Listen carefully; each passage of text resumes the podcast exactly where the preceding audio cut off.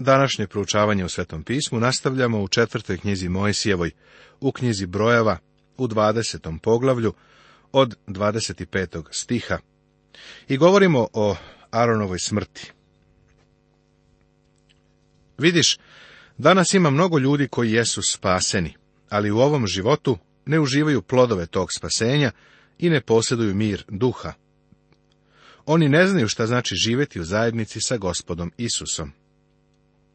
Ipak, ni za trenutak ne bih dovodio u pitanje njihovo spasenje. Aron je tipični primjer takvog života. Iskusio je 40 godina mučnog života u pustinji, ali nije iskusio šta znači sesti i uživati u plodovima obećane zemlje. Nije znao šta znači piti mleko i jesti med u zemlji meda i mleka. Mnogi od nas sami sebe pokradu za ovo iskustvo i to svojom neverom. Uzmi Arona i Eleazara sina njegova i izvedi ih na goru Or. I svuci Aronu haljine njegove i obuci ih Eleazaru sinu njegovu, pa će se Aron pribrati i umreti onde. I učini Mojsije kako zapovedi gospod, i izidoše na goru Or pred svim zborom. I svuče Mojsije s Arona haljine njegove i obuče ih Eleazaru sinu njegovu, i umre onde Aron navr gore a Mojsije i Eleazar siđeše s gore. A kad vide sav zbor da umre Aron, plaka sav zbor Izraeljev za Aronom 30 dana. Ovde imamo dragocenu poruku. Ovo je u Izraelu bila vrlo tužna stvar, ali za nas danas ima nešto što treba da nas podstakne da budemo zahvalni gospodu. Izraelci su tugovali 40 dana. Mislim da je među njima bilo mnogo onih koji su odlazili kod Arona, prvosveštenika. Poznavali su ga i on je njih znao.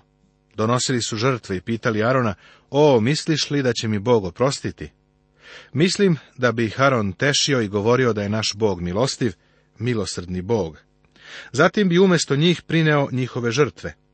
Sada vide kako dolazi Eleazar, obučenu Aronovu odeću. Aron je umro i nema ga više. A oni bi rekli, ne poznaje me Lazara, a ni on mene. Ovo sada je neki drugi sveštenik. Želim da kažem da imamo prvo sveštenika koji uvek živi i zastupa za nas. Naš gospod nije sveštenik po Aronovom redu, nego po redu Melhisedekovom. On nema ni početak dana, ni kraj života. On tamo gore za uvek živi. On će uvek tamo biti za nas uvek se možemo osloniti na njega. Svakoga od nas on poznaje lično, a i mi njega možemo upoznati. Poznavati njega to je večni život. Kroz celu večnost ćemo ga upoznavati i to se nikada neće promeniti. Za to treba već danas da smo zahvalni. Izrael je završio lutanje po pustinji i sada se sprema da uđe u obećanu zemlju. Bog ima obećanu zemlju, u koju želi i nas da uvede danas. Hristos može da nas tamo uvede sada. Poglavlje 21. Tema Prve pobede Izraela u borbi Zmija od bakra Medi Kao što smo vidjeli, 20. poglavlje nas je dovelo do kraja lutanja po pustinji, u tom smislu da je samo lutanje gotovo, a da sada započinje marširanje ili putovanje kroz pustinju. U ovom poglavlju su njihove prve pobede u borbi. Također je ovdje zabeleženo i njihovo osmo, odnosno posljednje gunđanje, koje je izazvalo vatrene zmije i zmiju od medi. Ovu sliku sam gospod Isus koristi da bi ilustrovao svoje raspeće. Pobeda Izraela a kad ču Hananej car aratski koji življaše na jugu, da ide Izrael putem kojim idoše uhode, on se pobi s njima i zarobi ih nekoliko. Tada se Izrael zavetova gospodu i reče, ako daš ovaj narod meni u ruke, do temelja ću raskopati gradove njihove. I usliši gospod glas Izraeljev i dade mu Hananeje, a on zatre njih i gradove njihove i prozva ono mesto Orma. Potom pođoše od gore Ora k crvenom moru obilazeći zemlju Edomsku i oslabi duh narodu od puta. Ovo je prva pobeda na putu kroz pustinju, od njihovog sukoba sa Amaličanima neposredno nakon napuštanja Egipta. Bog im je jasno dao ovu pobedu. Međutim, oni sada treba da idu pored gore Ora ka Crvenom moru. Pošto ne mogu da prolaze kroz zemlju Edom, planiraju da krenu zaobilaznim putem oko te zemlje. Put je težak i za narod vrlo obeshrabrujući. U tom stanju obeshrabrenosti oni počinju da se žale, da jadikuju i gunđeju. Nažalost, ovo je karakteristika mnogih od nas danas. Kada nam je život težak, žalimo se i gunđamo. Osmo gunđanje I vikaše narod na Boga i na Mojsija. Zašto nas izvedoste iz Misira da izginemo u ovoj pustinji? jer nema ni hleba ni vode, a ovaj se nikakvi hleb već ogadio duši našoj. Ovo je osmo i posljednje gunđanje Izraelaca. Ponovo gunđaju zbog mane. Setit ćeš se da ih je ona svetina ranije u toku putovanja predvodila u odbijanju mane. Samo da spomenem, mana je bila divna hrana. Bog ih u petoj knjizi Mojsijevoj podsjeća da im mnoge nisu otekle. Jedan lekar misionar na Filipinima mi je rekao da noge otiču i da se javljaju simptomi beri-beri bolesti kada postoji neki nedostatak u ishrani.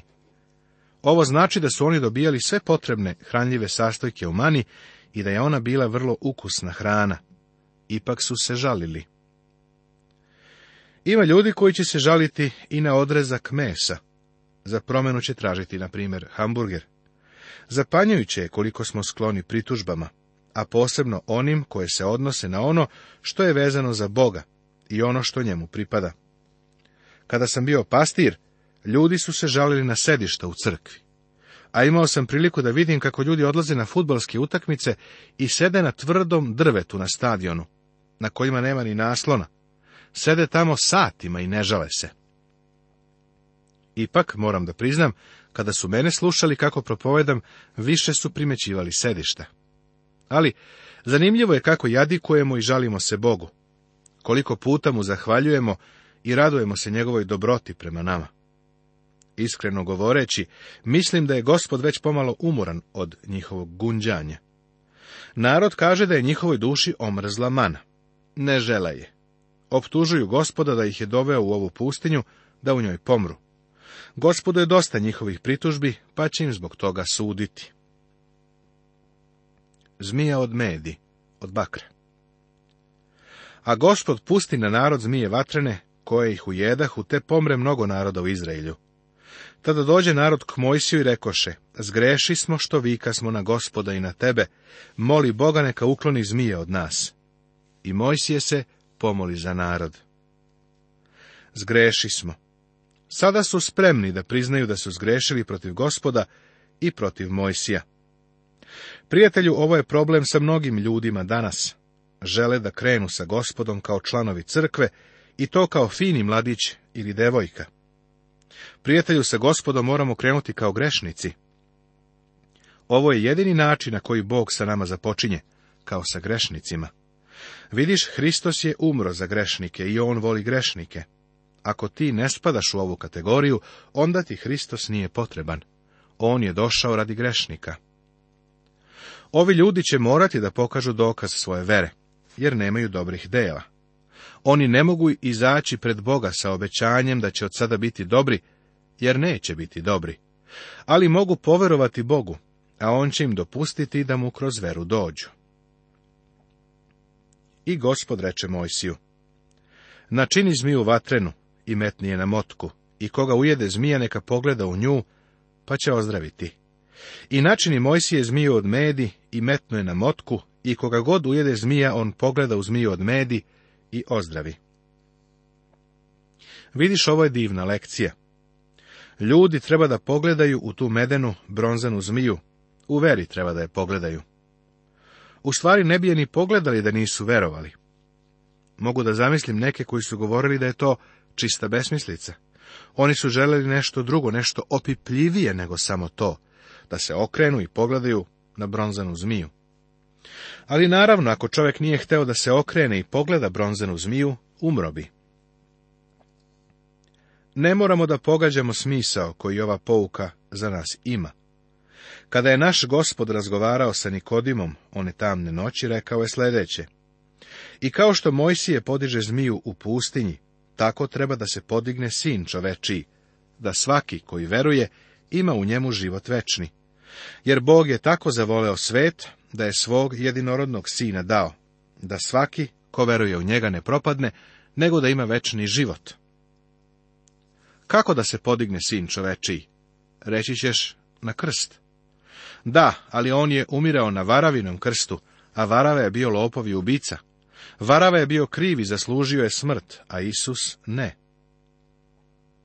Gospod je radi nas učinjen grehom. Na tom krstu on ne samo da je zauzeo varavino mesto, nego je tamo bio umesto mene i tebe. Bog je to dozvolio i učinio, jer nas voli. Ali Bog nas ne može spasiti svojom ljubavlju. Ne piše da je Bog tako voleo svet da je spasao svet, ne piše tako već Bog je tako voleo svet da je dao svog jedinog sina, jedinog ljubljenog sina. I ono što Bog sada od tebe očekuje, prijatelju, jeste da pogledaš i budeš živ. Pogledaj Hrista. On je tamo umjesto tebe. Ti si grešnik i zaslužuješ da umreš. Hristos nije zaslužio smrt. Umro je radi tebe. Ovdje čitamo da je ova zmija bila napravljena od medi, ili bakra, bronze. Oni koji bi je pogledali, ostajali su u životu. Oni koji je nisu pogledali, umirali su. Isto je tako jednostavno i danas. Ili gledaš na Hrista kao spasitelja zato što si grešnik, ili to ne činiš prijatelju.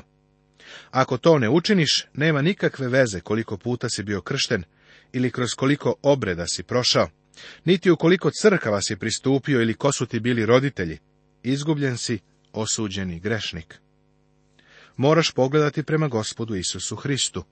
To je tako jednostavno.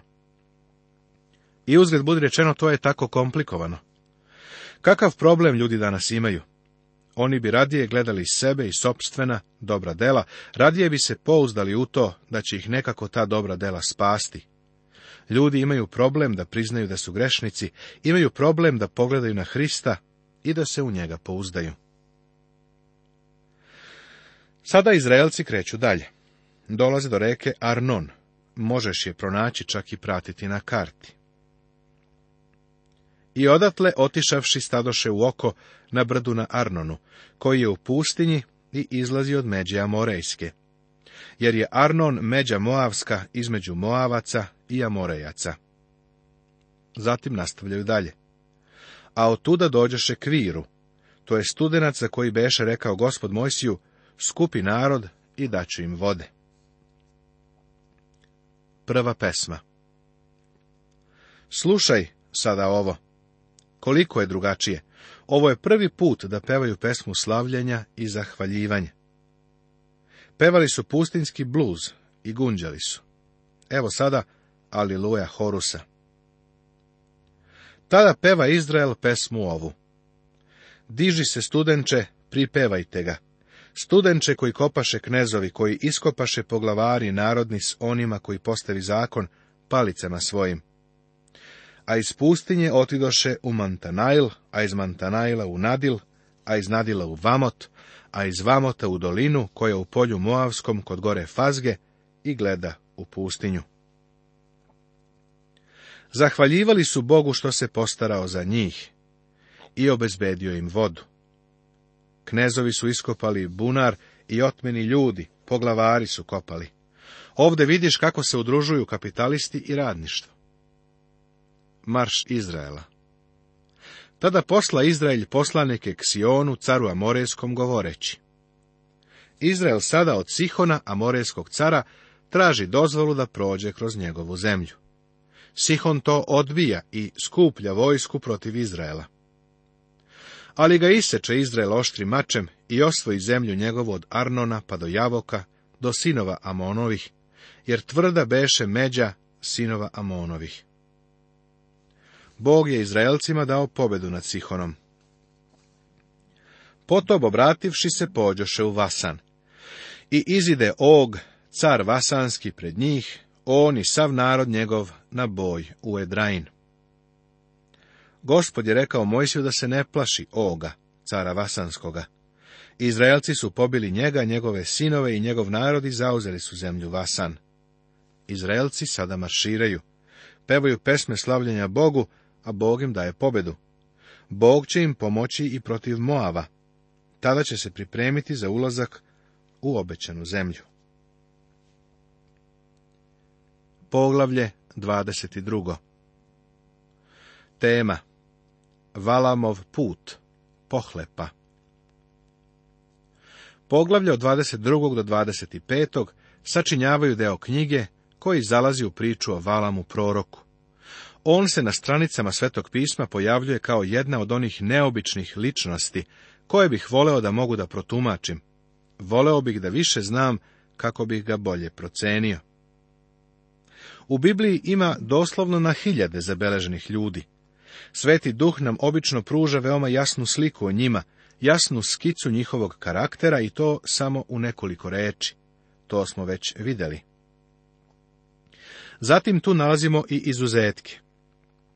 Ima nekoliko njih koji hodaju u senci. Tama prekriva njihovu pravu prirodu. Oni su izvitopereni, izobličeni pojedinci.